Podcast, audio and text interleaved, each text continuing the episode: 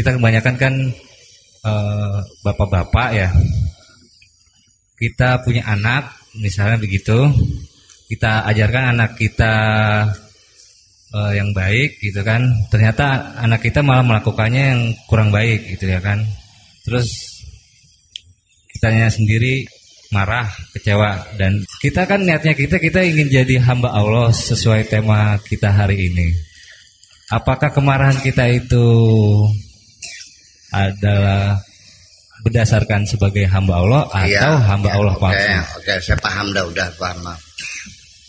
Apabila setelah engkau berbuat baik kepada seseorang kemudian orang itu tidak memberikan penghormatan kepadamu ya kan maka muncullah kekecewaan berarti kebaikan yang kau lakukan itu bukan untuk Allah itu maksudnya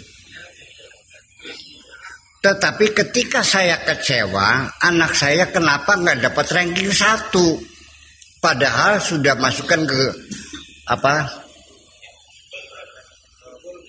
Bimbel di Caci Barang namanya itu GO Ganesha Operation di situ sudah buang duit banyak, sudah guru privat diundang matematikanya, bahasa Inggrisnya, kok nggak dapat ranking?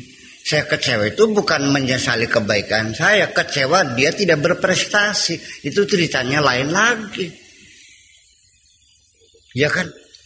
Yang dikecewa itu objek kecewanya apa? Objek kecewanya karena kita tidak mendapat penghormatan, tidak mendapat sanjungan. Orang nyumbang masjid, nyumbangnya 5 juta, dikasihkannya hari Jumat sebelum khot khotbah, bawa wartawan tiga. Ya, Tiba-tiba yang bertepuk tangannya gaya pramuka, prok prok prok prok prok marah dia, sialan lo katanya. Gue nyumbang bener-bener diledekin begitu. Nah, ketika kita mengharapkan, jadi begini maksudnya, Mak. Itu kondisional. Mungkin dalam hal itu dia tidak ikhlas, masih untuk mencari hormatan. Tapi dia juga banyak hal dia betul-betul ikhlas kok. Iya kan gitu. Orang juga sholat kadang-kadang khusyuk, kadang-kadang ngaco, kadang-kadang lamun kan gitu. Iya kan? Ya kita tidak memutuskan dia hamba Allah tidak dong. Dia umurnya berapa puluh tahun masa semuanya. Ya kan begitu. Jadi kualitas itu bahwa nilai kerohanian seseorang itu juga fluktuatif. Jadi sama seperti nilai tukar rupiah. iya dong. Itulah makanya ahli sunnah wal jamaah itu e, menyetujui bahwa iman itu yazdadu wa yangkus bisa bertambah bisa ber, berkurang kan gitu persoalannya nah tetapi hakikatnya apakah iman itu bisa bertambah berkurang? Nah kelompok Mu'tazilah mengatakan tidak. Orang kalau sudah beriman tidak mungkin akan turun kepada syak dong. Anda sudah pernah ke Jakarta belum?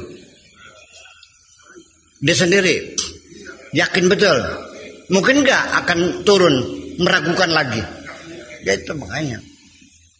Berarti kalau begitu ya dulunya belum yakin soalnya itu aja nah tetapi saya ingin mengatakan begini. Bahwa yang bertambah dan berkurang itu bukan imannya tetapi refleksinya. Nurnya cahayanya menjadi redup.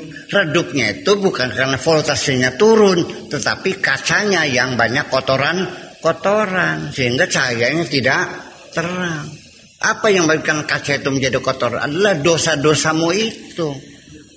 Kan enggak itu aja kan enak nggak begitu tuh? Ya, ya gitu aja